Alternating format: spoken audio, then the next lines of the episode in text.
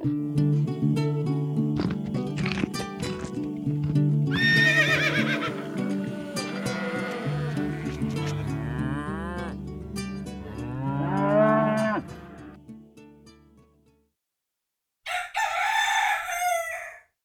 morgen! God morgen! Hurra! Velkommen til Gjengevold pludrekast. Ja. Kasten kommer pludre.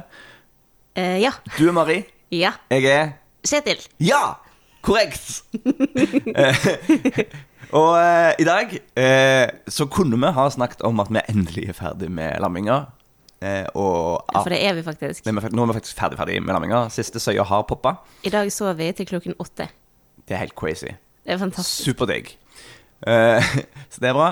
Eh, vi kunne ha snakka litt om avl og svinn, eller det kan kanskje hete svinn, men ja, hvor mange sauer vi hadde på vei inn, og hvor mange vi fikk på veien ut, og alt det der. Det blir en annen gang. Ja. Fordi- Vi kunne også snakket om framskrittene vi gjør i hagen. Som er store. Ja. Eh, Og vi kunne prate om mentoren vår fra eh, fylkeskommunen. ja. Ikke fra fylkeskommunen, da. Nei, nei, men altså i regi av Gr Grønnsaksmentoren vår. Yes.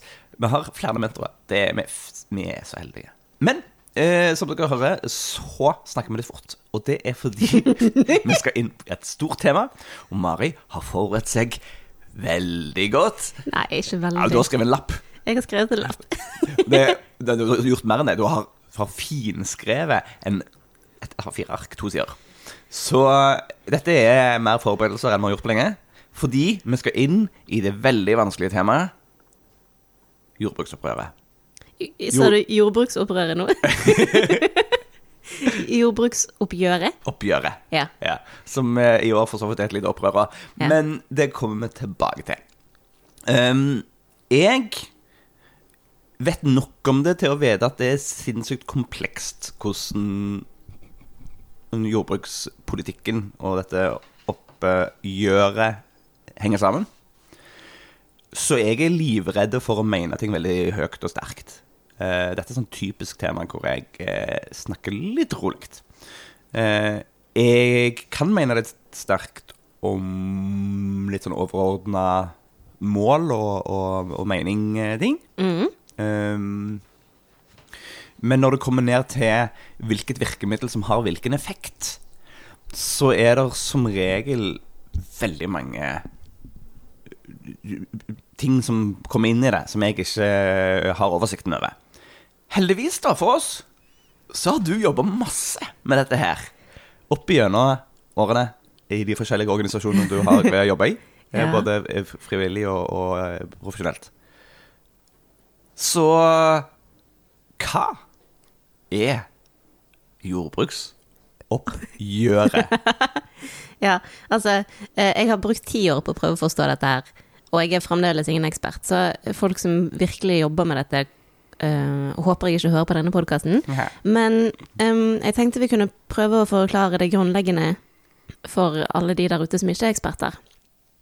Uh, og enkelt sagt, på det mest grunnleggende, så er jordbruksoppgjøret det er bøndenes lønnsforhandlinger. ja. Men uh, bønder er jo uh, selvstendig næringsdrivende. Ja, og dette kommer vi tilbake til.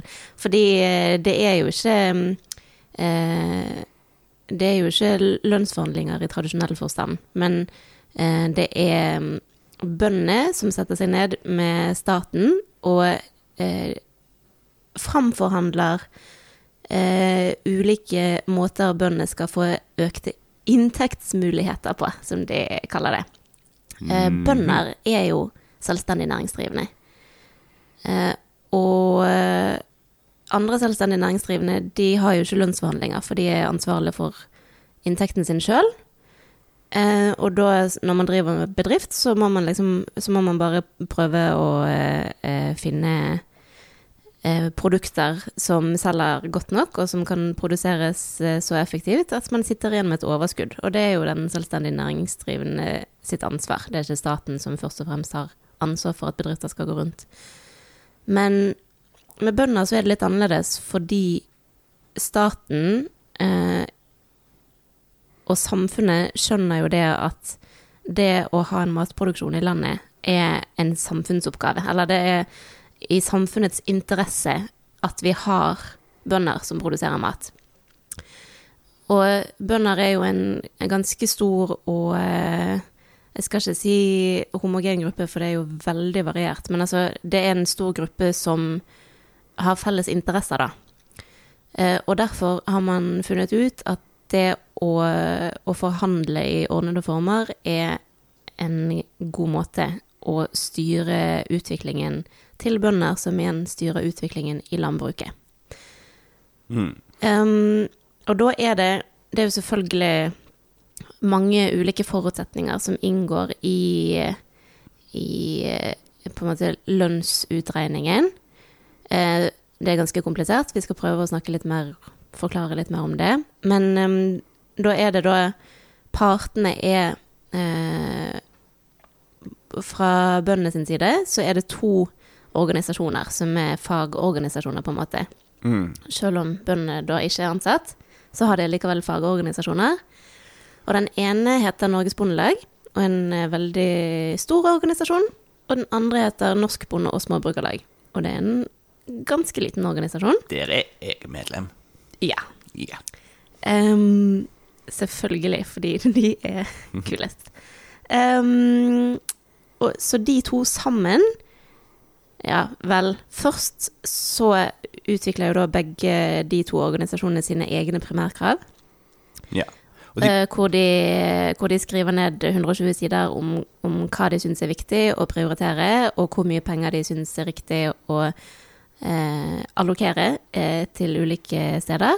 Og så setter de seg sammen og forhandler om et felles krav for hele jordbruket. mm. Og så møter de staten. Og da er det sånn at Stortinget har delegert forhandlingsansvaret i jordbruksforhandlingene til Landbruks- og matdepartementet. Og det er dette som kalles Forhandlingsinstituttet, da. At det er eh, Landbruks- og matdepartementet som setter seg ned med bondeorganisasjonene for å forhandle et resultat. Det er kort fortalt. OK, men øh, lønnsforhandlinger. Altså øh, Fordi det er jo ikke sånn at øh, det kommer en lønnsslipp en gang i måneden fra staten. Nei, hadde ikke det vært fint? Eh, så det er, det er lagt opp på en litt annen måte her. Ja. Eh, bønder har jo grovt eh, sagt to ulike typer inntekter. Det ene er prisen de får på varene de produserer i markedet. Og det andre er eh, tilskudd som de får fra staten. Og så er det eh, da ulike meninger om hvor mye av bondens lønn som skal være pris, og hvor mye som skal være tilskudd. Um, kort Ja, eksempler da på hva, hva er tilskuddet. Ja, tilskudd eh, Tilskuddene i landbruket i Norge er jo stort sett produksjonsdrivende, såkalt. Og det vil si at bonden får Bonden rapporterer inn hvor mange kilo kjøtt han har produsert, hvor mange kilo grønnsaker han har produsert, eh, osv. Og så Og hvor mange sauer han har hatt på beite, og hvor mange lam han har fått, og osv. osv. Hvor mange kyr han har. Og så får han da penger utbetalt etter faste satser, basert på eh, enheter. Altså Ja, så det er per antall dyr, per eh, mengde jord brukt, eller holdt i hevd. Eh, mm, eller beite, i hvert fall. Ja. Eh, og, og per volum produsert. Ja. Og da er det jo eh, veldig tydelig at eh, tilskuddssystemet sånn som det er innrettet i dag, det, bel det i utgangspunktet belønner bønder som produserer mer. De som har flere dyr, de som produserer flere liter, har større kvantum. De får mer tilskudd. Ja. Men er det ikke sånn eh, Jeg synes jeg husker når jeg så på de tabellene, at det er, det er jo en sånn trapp. Sånn at hvis du har null til fem kyr, så får du så mye per ku, og så har du seks til elleve kyr, så får du så mye per ku, så Ja. Det er jo på en måte et um, Et um, virkemiddel for å prøve å kompensere litt for Ja, kompensere litt for den der eh, stormannsgalskapen i landbruket, da. Eh, Mm. Man vet Man har et politisk ønske om at um, de små at det skal være mulig å være liten bonde. At man ikke må investere stort Mm. og ha 50 kyr før det liksom går rundt med tilskudd. Ja. Så derfor, og der har vel først og fremst Bonde- og Småbrukarlaget kjempet gjennom at eh, det skal være eh, Du skal få mer Det skal liksom være en, en eh, motsatt eh, støttetrapp, da. At du skal få mest for de første dyrene, og så skal du få litt mindre hvis du har flere dyr per dyr, og så på et eller annet eh, tidspunkt så skal du også stange i tak, sånn at hvis du har over det, så skal, det, så skal ikke du få tilskudd for resten av dyrene, liksom. Det skal ikke På et eller annet tidspunkt slutter det å lønne seg å bli større og større og større.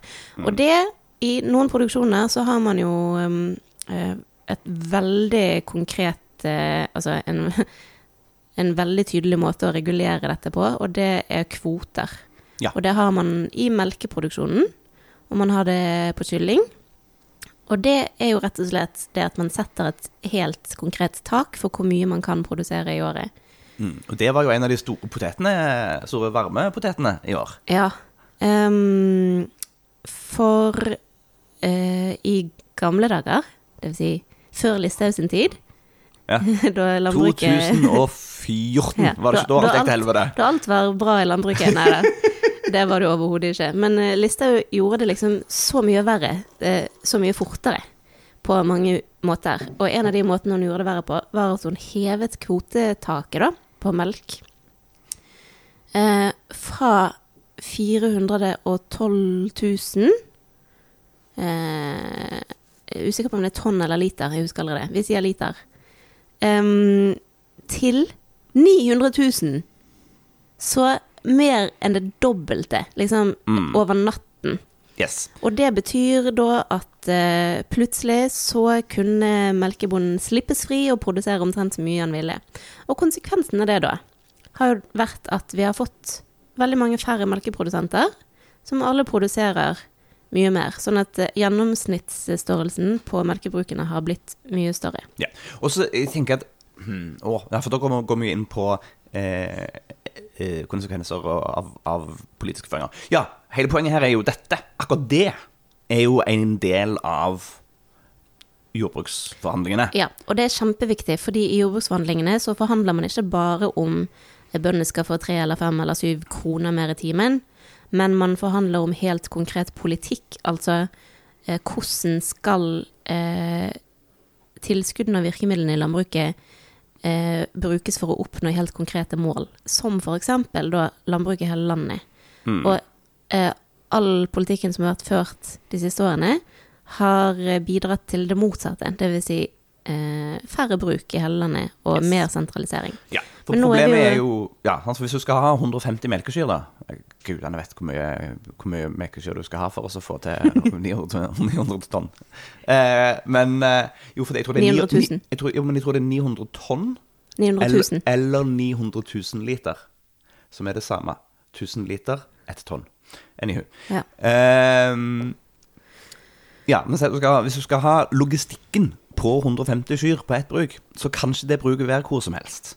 Det må være et sted hvor det er eh, liksom industriell skala tilgjengelige veier og eh, jorder til å spre møkker på, og eh, tilgang på fôr og eh, Alle marginene eh, for å få et sånt opplegg til å fungere, trenger liksom lokalitet og ressurser tilgjengelig som, som får det til å gå opp. Ja, altså, som gjør at det som kunne ha vært fire melkebruk i Kvesendal, mm, plutselig flytter tre timer i en eller annen retning, og så havner produksjonen der istedenfor. ja. Uh, og da har du plutselig ikke de tre, nei, fire brukene i Kvesendal. Nei, og dette, dette kan vi snakke timevis om, bare det. Men, uh, Men det kort ikke. sagt så okay. er eh, høye kvotetak en, den mest effektive måten å få til en sentralisering og nedlegging av bruk i Norge. Yes. Og derfor var et av kravene til eh, jordbruket da, i år at det kvotetaket på melk skulle reduseres eh, ikke tilbake til 412 000, men til 600 000 fra 900 000. Men og det ville jo vært Bonde- og Småbrukerlaget foreslo hva var det, 450 eller noe? Ja, Bonde- og Småbrukerlaget har har en politikk som sier Bare 450 000. Jeg Bare si det. Bare si det. Mhm, De Um, kuleste. Vi kan jo si Vi kan kanskje snakke litt om forskjellen på de to faglagene etter hvert òg. Ja, på sikt. Men uh, tilbake til å prøve å forklare jordbruksforhandlingene. Yes. Um, nå er det jo sånn at um, hvis ikke jordbruket og staten kommer fram til en enighet, så kan jordbruket velge å bryte forhandlinger. Men eh, før vi kommer så langt, så eh, har jeg et spørsmål. Er det et konkret spørsmål, Det er et eller er det til eh, Det, det er om hvordan det fungerer. Ok, Ehm, fordi vi sa at det er to måter å få inntekt på. ja. Det ene er tilskuddene. Nå snakket vi litt om det. Sant? Per ku, per areal, per, per produksjon, volum osv. Det andre er jo da hva du, pris du får. ja. Eh, og der er det jo mange forskjellige regulatorer i markedet. ja. Eh, og noen av de er jo òg en del av oppgjøret. Sånn som kronpris, for eksempel. Ja. Jeg kommer tilbake til dette straks. Ok. Um, Jeg fikk et litt strengt blikk nå. Nå skal jeg bare drikke kaffen min og høre på. men eh, dette med brudd La oss si det først. Jeg har en plan. Jeg vil komme meg gjennom den. um, hvis bøndene bryter forhandlingene sånn som de har gjort nå, da, så eh, er det Stortinget som skal bestemme eh, hva bøndene skal få. Og det kan du jo si at det skal de uansett, for hvis de, hvis de kommer, hvis de kommer frem til en avtale, forhandlingspartene, så skal det også legges frem for Stortinget. Men da er det veldig sjeldent at Stortinget velger å gjøre noe endring på det. Da godtar de det gjerne. Og det er fordi at forhandlingsinstituttet må respekteres. Det er veldig skummelt å, å gjøre noe med forhandlingsinstituttet. Ja, men Det forstår jeg veldig godt, for de har jo peiling på hvordan dette henger sammen. Ja, men så, også nå som oss, vi er jo enkle sjeler og forstår ikke disse, hvordan disse tingene henger sammen. Ja. Det er Og hvis partene først har kommet frem til en enighet, så skal man ikke Dum. røre ved det. Nei, da må det jo være greit. Eh, men hvis de da ikke har kommet frem til en enighet, så er det da eh, Landbruks- og matdepartementet som skal legge frem et forslag for Stortinget. Og så er det opp til Stortinget å bestemme. Og da hender det faktisk av og til at de gjør endringer på tilbudet til bøndene. Det er ikke ventet at det kommer til å skje i år, fordi at eh, Frp bidrar til flertall i Stortinget. Men allikevel så syns jeg at det er en eh, spennende mekanisme, fordi at det på en helt annen måte ansvarliggjør Stortinget og stortingspolitikerne for den eh, landbrukspolitikken de vedtar. Og da kan man eh, mye tydeligere si at det jordbruksoppgjøret dere eh, stemmer for nå, det samsvarer ikke med de målene dere har satt for landbrukspolitikken. Dere sier at dere vil ha landbruk i hele landet, eh, men det dere stemmer på, er faktisk noe som fører til det motsatte. Og det er kult, Mm. for da får stortingspolitikerne mer ansvar, og det har vi jo egentlig lyst til. Um, nå er det jo sånn at siden bøndene ikke er ansatte, så har de jo heller ikke streikerett.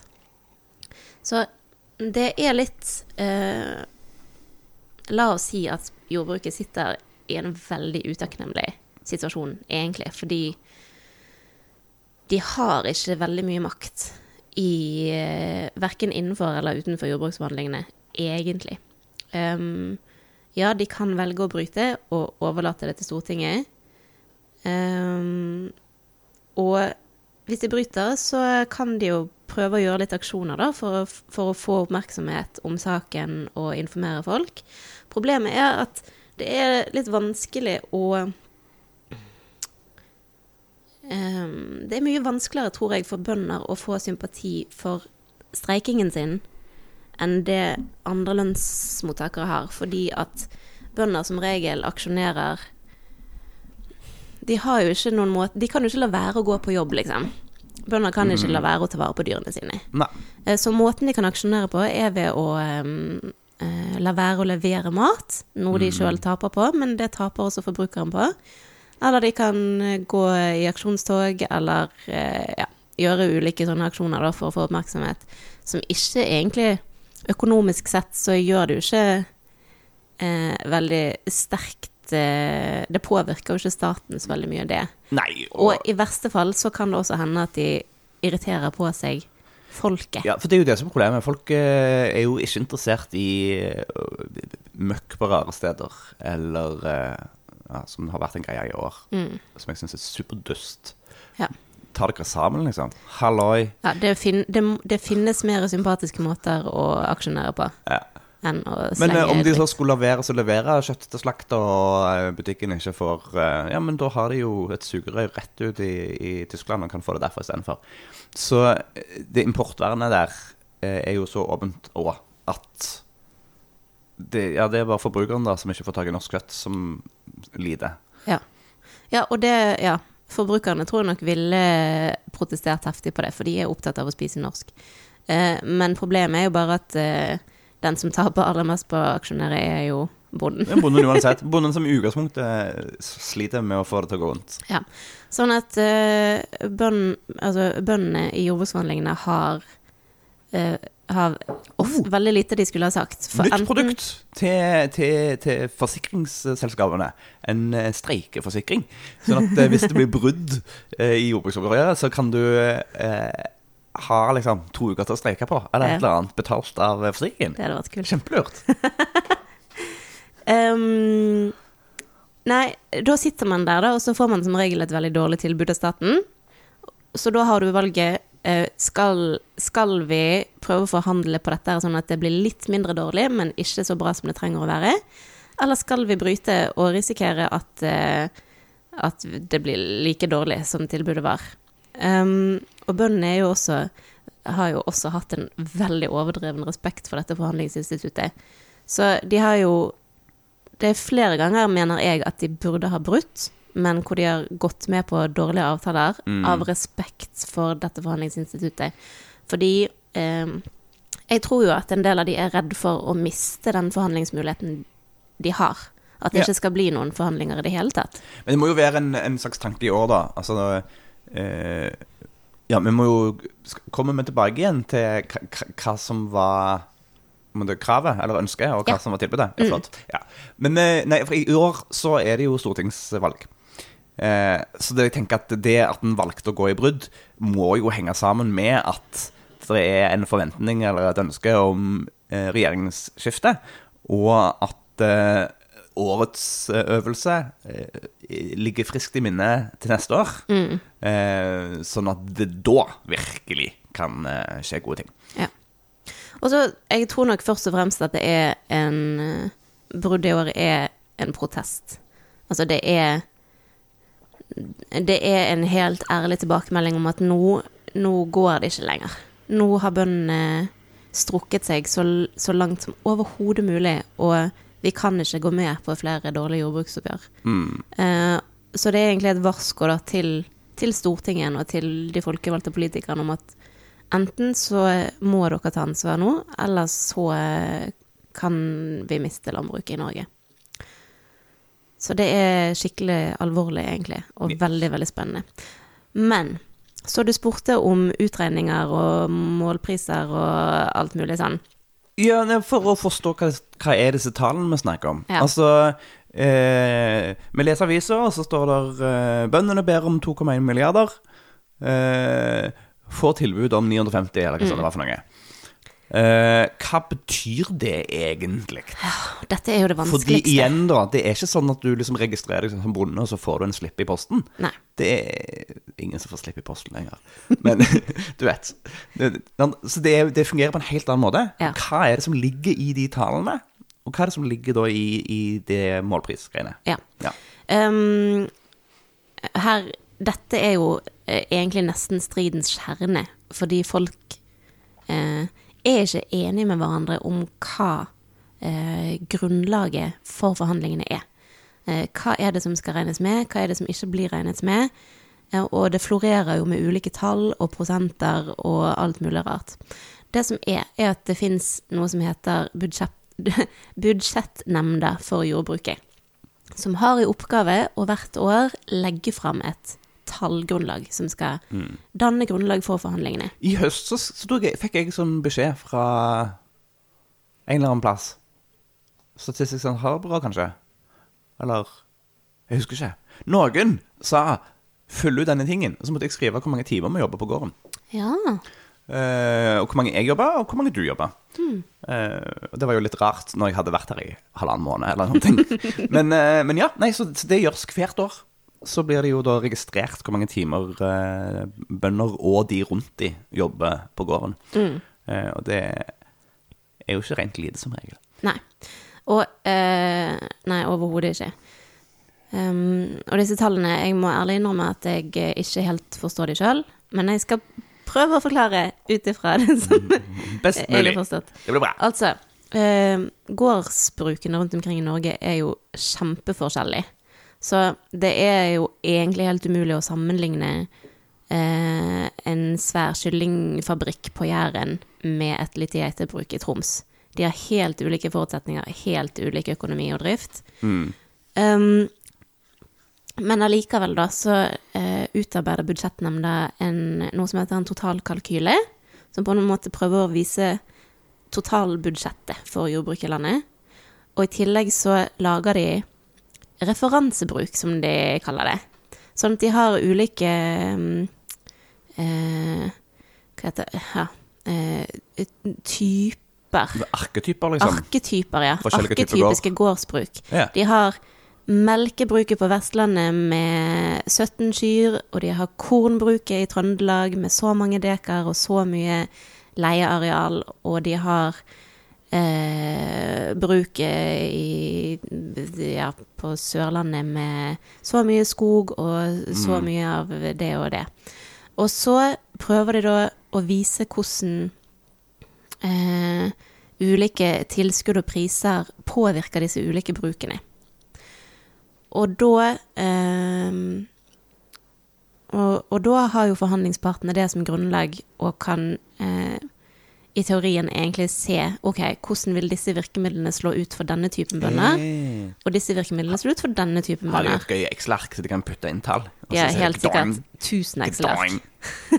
Jeg har lyst på det ene store Excel-arket hvor jeg kan putte putte inn tall. Og så, og så ser jeg nøyaktig hva som skjer. Så kan jeg manipulere verden. Det er gøy. Så hovedpoenget Ja. er jo at landbruket er ekstremt forskjellig, eh, og, og egentlig umulig å sammenligne, men så ender man allikevel opp på um, Gjennom mange ulike utregninger så ender man opp på en slags gjennomsnittslønn for bonden. Eh, ja. Og som vi vet, så sier jo gjennomsnitt veldig lite. Fordi et gjennomsnitt kan jo innebære enorme variasjoner. Men uansett. Jeg må ta en total digresjon og beklage. Har du noen gang tenkt over at eh, eh, når vi sier Excel, så er skikkelig dust? Eh, fordi det er jo et engelsk ord. Det er jo ikke bare et navn. Det er to excel. Hvor, så, så, så, så trykket ligger jo helt feil plass når vi sier det på norsk. Eh, og det er ganske dust. Sånn, vær så god. Eh, så, gjennomsnittsbruker du. Ja. Um, nå mistet jeg litt tråden. Beklager. Uh, men ja. Så em, Budsjettnemnda og eh, det tekniske beregningsutvalget eh, har jo da kommet fram til en slags gjennomsnittstimelønn, som eh, man fremdeles er uenig om er riktig, da. Men den sier da at gjennomsnittsårslønnen for en bonde er på ca. Hvor mye er det da? Ca. 430 000 sammenlignet med gjennomsnittslønnen i landet, som per nå er på litt over 600 000. Sånn at budsjettnemnda har slått fast at det er et lønnsgap mellom bønder og andre inntektsgrupper på ca. 200 000. Mm. Men så kan du gå inn på SSB, og der står det at gjennomsnittsbonden tjener 200 000 i året. Som jo er, er veldig annerledes enn 430 000. Det vil jeg si. Eh, men da er det jo mange spørsmål som dukker opp. Eh, for eksempel har, hvor mange timer har man regnet det på? Er de 200 000 eh, sluttresultatet, eller er det for et årsverk? Ja, ikke sant? Fordi en bonde jobber jo stort sett mer enn et årsverk. Alle vet at bønder jobber mer enn 100 Mm. Um, jeg har i, nå, nå har det jo kommet et bondeopprør, og det kommer jeg til å snakke mer om, men der er det en Facebook-gruppe som eh, mange bønder er medlemmer i og forteller om sin hverdag. Og der er det enkelte som, har, eh, som jobber opp mot 4000 timer i året. Hva betyr det i praksis? Et årsverk, et vanlig årsverk for en lønnsmottaker, er 1750 timer. Ja, Så det er litt mer enn dobbel jobb. Ja. Eh, og et vanlig årsverk er da rent til 7,5 timer om dagen. 37,5, blir det ikke det? Mm. Ja, I uka. Eh, så da er vi på 70 80 timer i uka. Mm. Så det Så- er mer enn ti timer hver dag Ja. hele uka. Folk vil jo si at det er ikke mulig, men det er jo mulig hvis du jobber fra morgen til kveld. Ja, du står Både opp, og så begynner du å ordne med dyrene, og så skal de ha fôr, og så skal de fikse det, og så Så har dagen godt, da. Mm. Um, og 4000 er nok opp mot det meste folk jobber, men 3000 timer eh, i året for en bonde er ikke unormalt. Ne. Og det tror jeg ikke egentlig folk har skjønt. At det er vanvittig mange timer. Mm. Så det er jo, ja, Og så har du jo i utgangspunktet så dårlig økonomi at du eh, kan jo ikke lønne folk For du må jo lønne noen for å ta helgestellet hvis du skal ta deg Mm. fri, da, på en måte. Bønder har ikke råd til å ta ferie fordi at de må betale avløsere. Så eh, Og avløseren har jo rett. Avløseren er jo en ansatt, så han har rett på en minstelønn som da er høyere enn den bonden tjener. den er ikke særlig høy, altså. Nei. Den, eh, den eh, avløserlønna. Eh, dessverre, på en måte. For det, det skulle jo vært mer attraktivt å hatt flere sånne. Ja. Samtidig så skal det jo være mulig å faktisk bruke de, da. Så Nei. Arr.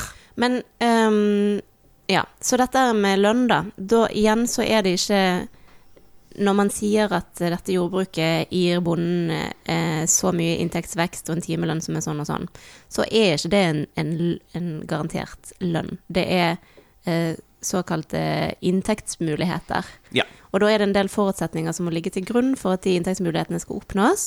Eksempel eh, han, eh, han eh, melkebonden med 17 kyr på Vestlandet, da. Ja. Ja. Hva, hva effekt ser han av eh, pri, prisøkningen? Nei, ikke altså, men uh, inntektsøkningen, visstnok, da. Um, nei, det er litt vanskelig å si, men um, sannsynligvis ingenting. Nei, eller Men får han ikke 2,50 kroner ekstra per eh, ku? Eller uh, Jo da. Og det um, og fem øre mer per liter melk?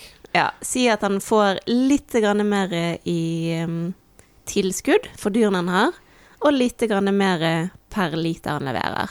Ja, og i praksis så er det kanskje tusenlapp i året hvis han er heldig. Ja, eller, eller litt mer, da. Men eh, all, Men allikevel så vil gjerne ikke det bli pluss i boken, og det er jo fordi at utgiftene øker raskere enn inntektene. Mm. Em, og det Når folk snakker om inntekten til bonden, så syns jeg egentlig at det er litt forvirrende, for det er jo ikke snakk om en inntekt. Vi må jo snakke om resultatet. Altså, Mm. når du driver en bedrift, så får du inntekter av det du selger, eh, eller tilskudd fra staten, da. Og så må du trekke fra alle utgiftene du har i driften. Og det er utgifter til fôr, det er utgifter til å kjøpe dyr, til vedlikehold av bygninger, til nye investeringer. Alt dette her må du da trekke fra. Og det du sitter igjen med til slutt, er resultatet. Og det er det du kan bruke eh, som lønn til deg sjøl. Sånn at i fjor, for eksempel eh, Vi var jo nyoppstartet og, delt, og drev bare et par måneder før eh, året var slutt. Og vi kan jo si at det var kjempegodt eh, gjort, og at vi klarte å tjene Hvor mye var det? 170 000. Så man kan jo si vi hadde 170 000 i inntekter i fjor. Men så hadde vi kanskje 250 000 i utgifter, da. Ja. Og hvis resultatet er på minus 70 000, så Da- blir det en minustimelønn, det. Hvis, ja, når du skal dele det på alle timene skylder Ja, vi skylder noen, noen penger, da.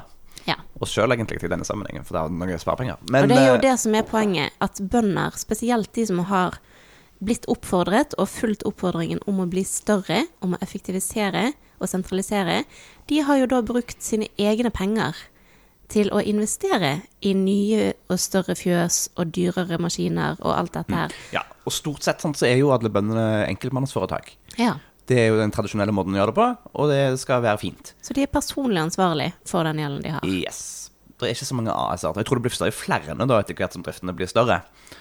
Eh, fordi jo- bøndene ser jo at det er skikkelig skummelt. Men det er skikkelig dust da, å måtte starte et aksjeselskap for å kunne melke noen kyr.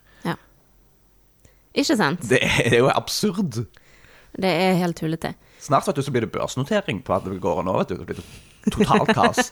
Ikke at jeg vet helt hva det betyr som i praksis. Hva, hva, hvordan hadde det fungert? Det må jo bety at noen er villig til å kjøpe aksjer i gården din, Spekulere i at det går bra, og Ja. selge de seg ut rett før landbruks, og jordbruksoppgjøret. Ja. Eh, akkurat sånn som Funcom. At de som solgte seg ut rett før de lånesja. Så eh, Men det er jo, når du ser liksom disse grafene hvor man sammenligner inntektene til vanlige lønnsmottakere med inntektene til bønder, så glemmer man det at eh, bøndene de bruker jo den inntekten på å betale investeringene og utgiftene og gjelden sin.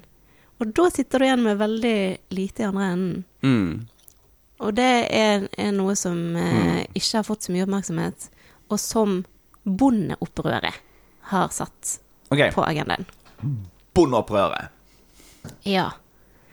Hva, Hva er det er som er nytt med årets jordbruksforhandlinger? Altså hva er forskjellig i år fra tidligere år? Det er det at vi har fått et grasrotopprør som kaller seg bondeopprøret. Som er eh, lei av eh, eh, den dårlige inntekten til bonden. Og som også er lei av at eh, man regner ut, altså at tallgrunnlaget til forhandlingene ikke stemmer overens med det bøndene sjøl opplever. Så når budsjettnemnda sier at eh, inntekten for et årsverk til bønder er 430 000, og bøndene sier 'hallo, vi har ingen penger', så stemmer ikke det overens. Og det er liksom den, det store opprøret de mobiliserer mot. Mm. Um, dette er jo et opprør som ikke har en eh, Som ikke er forankret i noen av bondeorganisasjonene. Så det er jo på en måte et opprør mot bondeorganisasjonene òg, fordi at de sier at dere som organisasjoner har ikke gjort en god nok jobb. Eh, virkeligheten vår er annerledes enn det som dere presenterer når, eh, når resultatet av jordbruksoppgjøret kommer frem. Mm. Og de da sier at gjennomsnittslønnen til en bonde i dag er 135 kroner i timen. Det er den reelle inntekten til bonden. Eh, og det er under minstelønn, og det er langt dårligere enn det både staten og bondeorganisasjonene har operert med. Mm. Men eh, kan vi ikke bare liksom la alle bøndene gi seg, da? Så kan vi jo importere maten istedenfor. Mye enklere. Ja, det er noen som syns det. Og det er mye enklere. Fram til grensene stenger, og folk trenger maten sin sjøl. Ja. Og fram til vi innser det at eh, at det her med at folk bor i bygdene, og det her med kulturlandskap og, eh, Mm. og arbeidsplasser og lokaløkonomi og sånn, det har faktisk en verdi. Ja, fordi eh, putter du eh, Har du et, en håndfull med bønder i et område, så skaper det en del ringvirkninger. ja. Vi for eksempel, vi putter jo alle pengene våre på andre lokale bedrifter som leverer ting til oss. Nettopp. Eh, Så da er det andre lokale folk som kan eh, leve. Fordi vi lever her. Mm. Og så produserer vi kun for et lokalt marked, sånn at de folkene som kjøper maten vår, bor i nærheten, og de bruker penger på oss, som vi da igjen kan bruke på andre ting i lokaløkonomien. Sånn at eh, Mm. man ser det at eh, eh, en, en krone sirkulerer eh, flere ganger lokalt hvis den brukes lokalt. Og derfor har en mye større effekt enn hvis man fjerner verdiene ut av regionen. Ikke sant. Ehm, men ja, så bondeopprøret sier vi eh, bønder tjener 135 kroner i timen. Eh, dere må ha et mer realistisk tallgrunnlag. Dere må regne med eh, utgiftene bønder har på f.eks. å leie areal og eh, rentene på investeringene og sånn som det. Og det gjør dere ikke i dag. Og derfor blir det feil. Mm. Ehm, og så kan man jo si at eh, 135 kroner i timen er jo også eh, mye mer enn det mange bønder egentlig har. Eh, hvis du hvis du jobber 3000 timer i året, og du har en ganske høy gjeld, eh, så har du kanskje en timelønn på rundt 50 kroner i timen. Mm. Dette er tall du har sett, ikke sant? Ja, det er det flere som har vist og utregnet at de har. Mm. Og også hvis du sier at du har eh, eh, saueproduksjon, da. Så, og så har du investert i et stort sauefjøs som har kostet mye penger. Og så er prisen på sau noe begredelig dårlig. Ja, det sånn er at nesten så du må betale for å få levert. det er nesten så du må betale for å få levert. Og da snakker vi også liksom Da er det ikke lønnsomhet i det. Da har Mm. du ingen inntekt. Men uh, det, det, Den jobben eh, sånne bønder eh, gjør, er jo så mangfoldige. Mm. Um, så nå nettopp så nevnte vi det at de holder liksom liv i Eller bidrar til å holde liv i lokalsamfunn, eh, og at lokalsamfunn er kult. Uh, så er det jo all landskapspleien.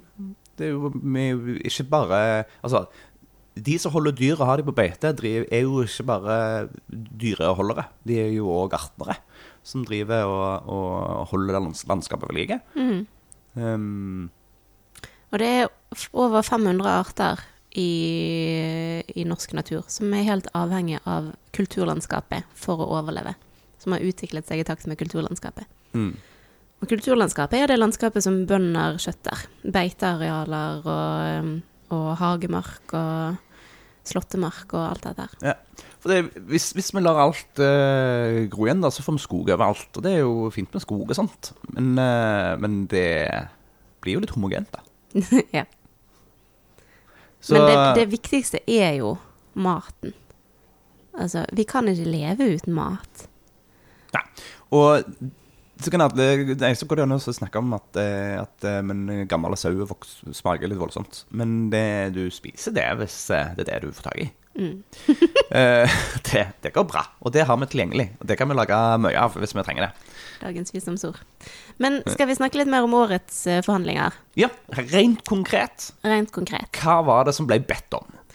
Det ble bedt om eh, 2,1 milliarder kroner. Ja, Hva betyr det?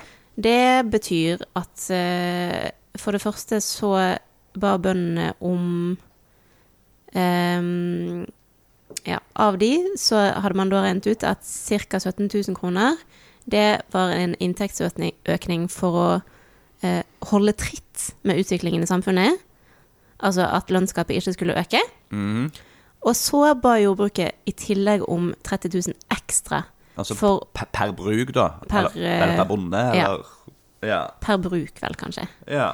For å begynne å tette det lønnsgapet, da, som fins mellom bønder og andre grupper. ja. Men så la oss si at, eh, at det lønnsgapet er på 200 000. Så ba de om 30 000 for å gjøre det gapet mindre.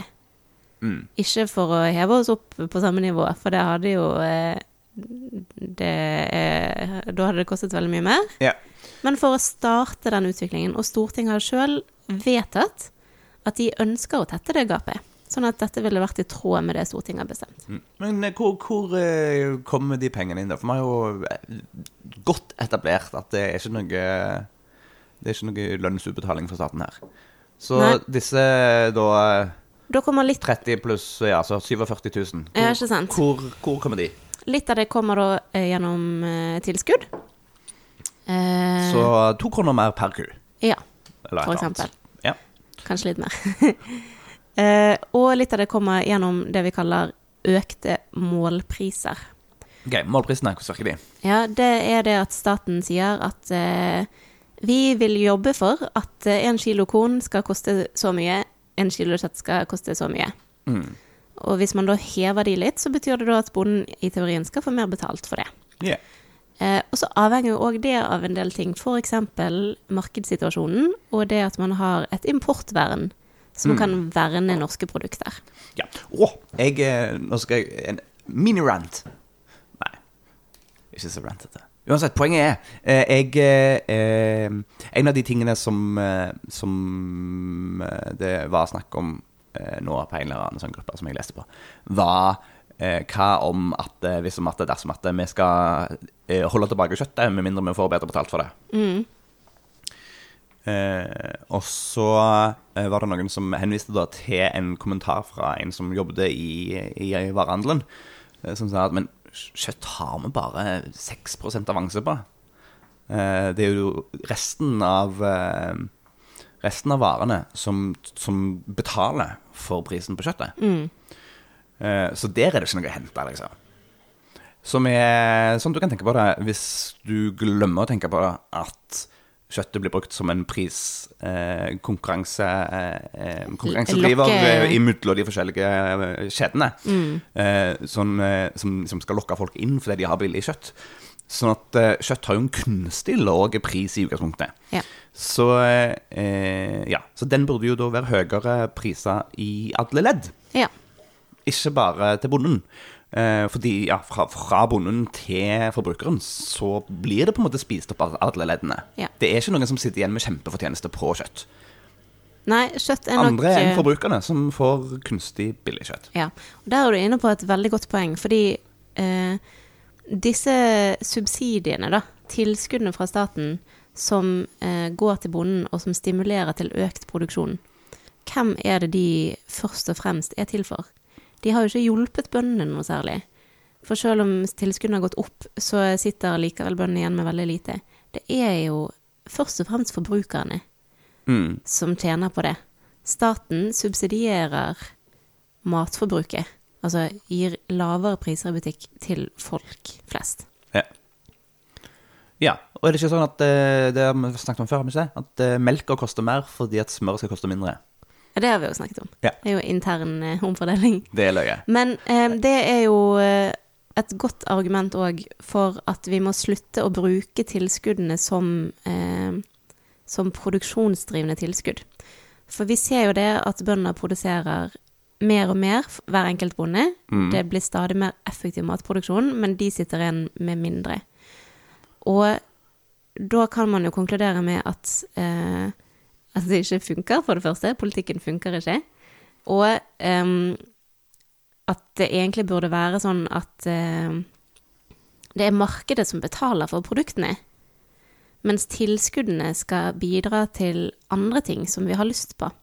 Sånn at eh, hvis tilskuddene hadde fungert sånn at de ikke eh, først og fremst belønnet bønder for å produsere så mye som mulig, men belønnet de for å skjøtte kulturlandskapet, for å holde jord i hevd, for å ha bruk også i Troms, og ikke bare på kornbygdene i Trøndelag og sånn, der det er mulig å være store. Eh, Så hadde man virkelig fått til en vridning i tilskuddssystemet, hvor det er mulig å være bonde i hele landet og få det til å gå rundt. Yes. Og det er jo det du og jeg mener at det burde være. Yeah. Og Bonde- og småbrukarlaget mener at det bør være Yes. sånn. Men Men eh, og kvinner Eh, da er det jo Etter at eh, kravet ble lagt fram, så kom staten tilbake og sa at de ville gi et tilbud på 962 millioner.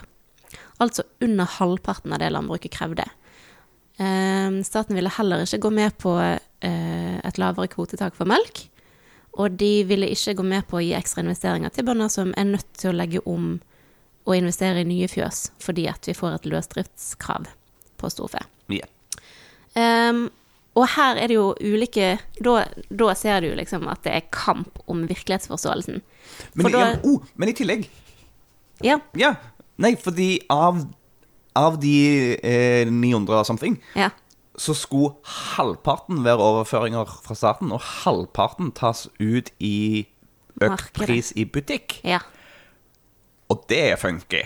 For da Egentlig så er jo tilbudet 400 og something, da. ja. Juks og fanteri! Og da sier, jordbruk, nei, da sier staten dette er et veldig godt utgangspunkt for at bøndene kan få øke sin inntekt, for dere får, vil jo da få 4,5% inntektsøkning med dette tilbudet. Og det er langt over det resten av samfunnet får, for de får 3,1% Og så Vent nå litt. Det gir jo ikke mening å snakke om prosenter når utgangspunktet i kroner er helt forskjellig. For bønder de kan få en høyere prosentmessig eh, inntektsøkning enn resten av samfunnet hvert eneste år, og fremdeles aldri komme nærmere resten av samfunnet. Ja. Og hvorfor det? Fordi at, eh, skal vi nå se, 4,5% av 135 kroner, da, hvis det er det som er den gjennomsnittlige timelønnen i Mhm. landbruket, det er 6 kroner. Ja. Mens 3,1 altså mindre, av eh, 500 kroner, det er 15 kroner.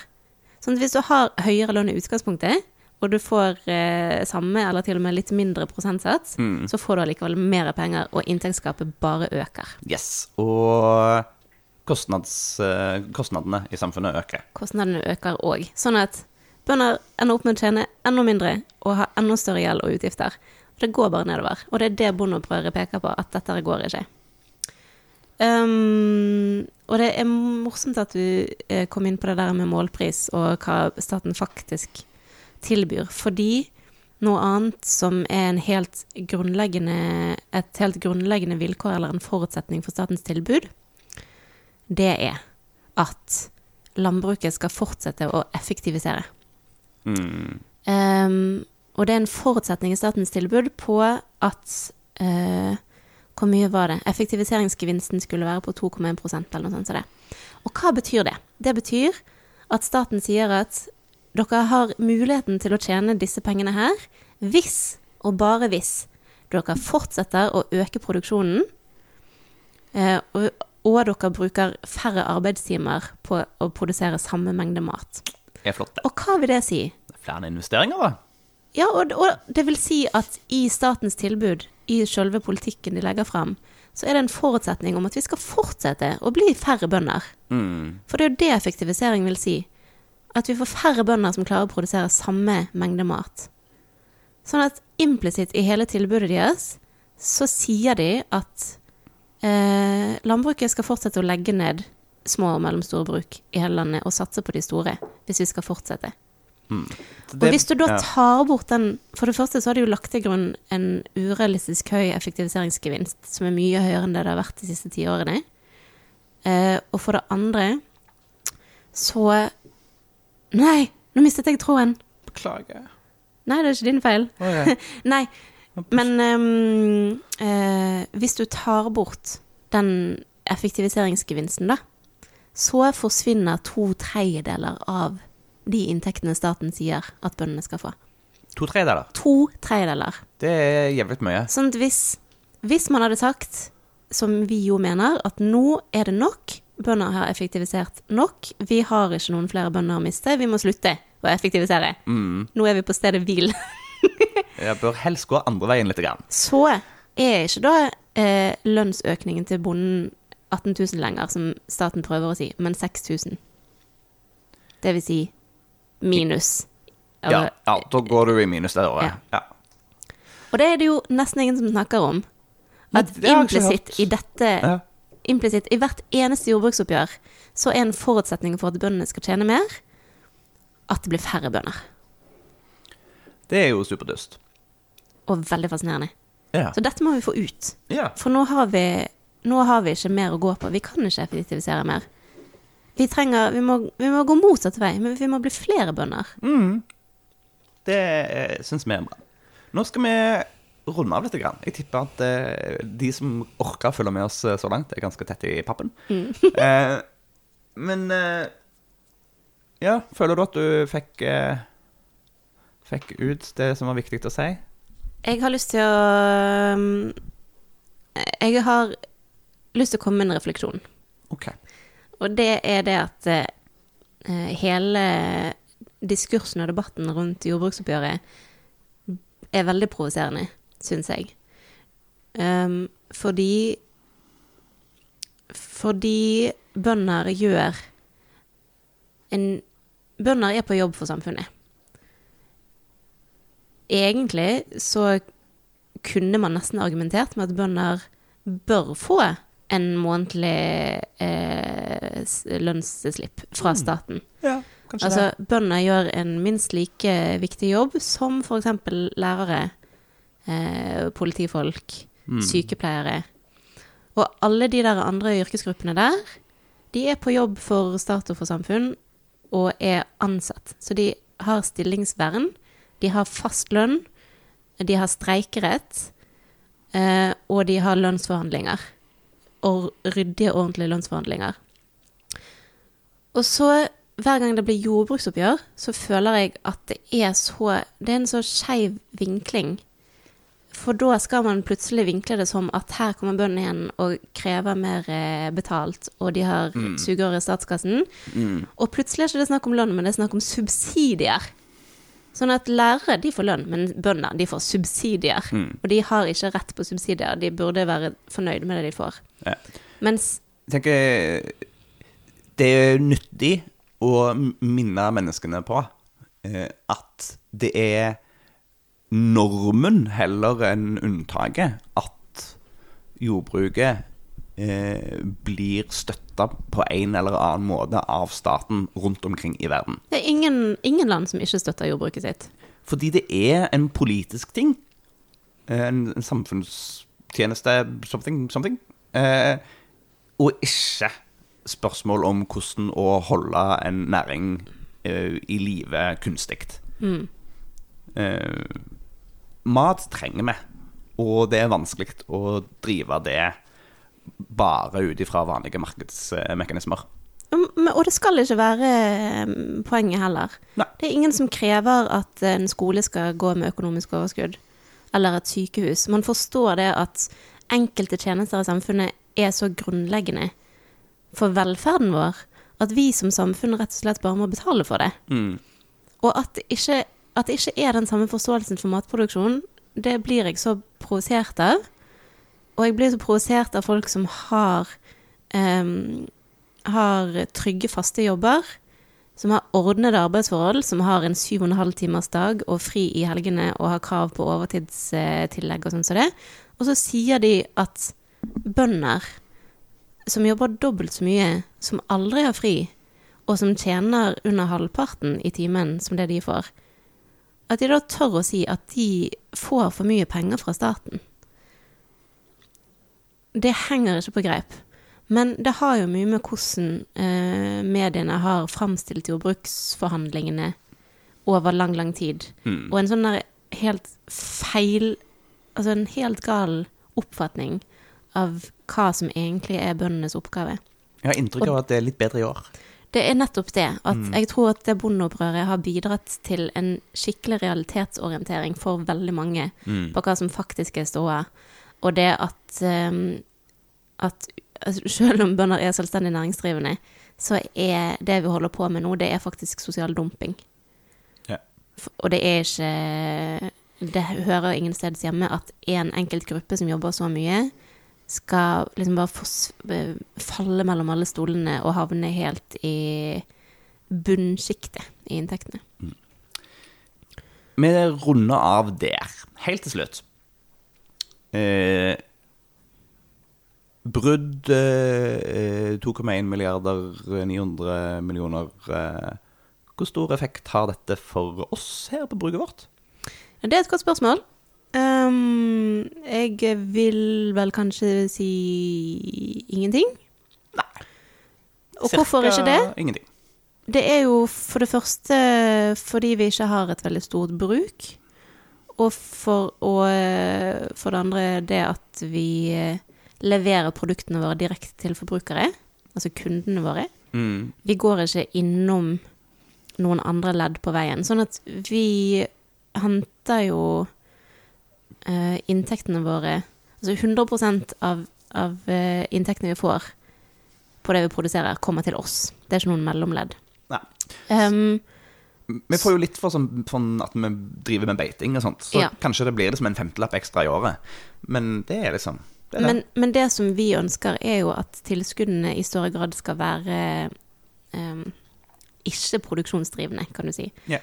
Sånn at hvis vi hadde begynt å få bedre betalt for å uh, kjøtte de arealene vi har, og også, syns jeg, så burde det være et eget tilskudd for grønnsaks, småskala grønnsaksproduksjon. Mm. I dag får ikke grønnsaksprodusenter som driver smått, altså markedshagefolk, de får ikke noe tilskudd. Nei. Og det syns jeg ikke er greit.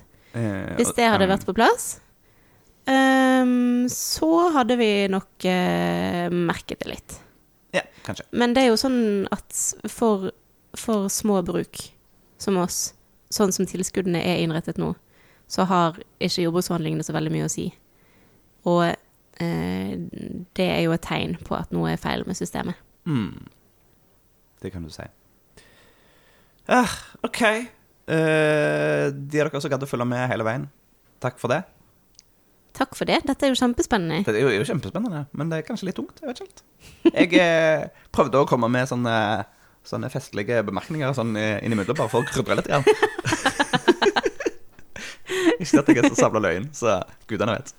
Men eh, det var da, ukens eh, pludrekast. Ja, jeg er Eh. veldig glad for at du fikk snakket om dette. Ja, jeg tror det var lurt. Um, håper det var informativt. Og hvis du ikke har signert på Bondeopprøret sitt opprop, som per nå har over 40 000 signaturer, What, what? kjempebra, det har økt ganske mye siden bruddet, Ja. så har du å gå inn på eh, opprop.nett og signere det der.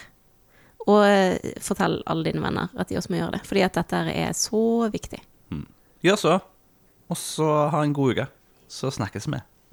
det gjør vi. Ha det bra.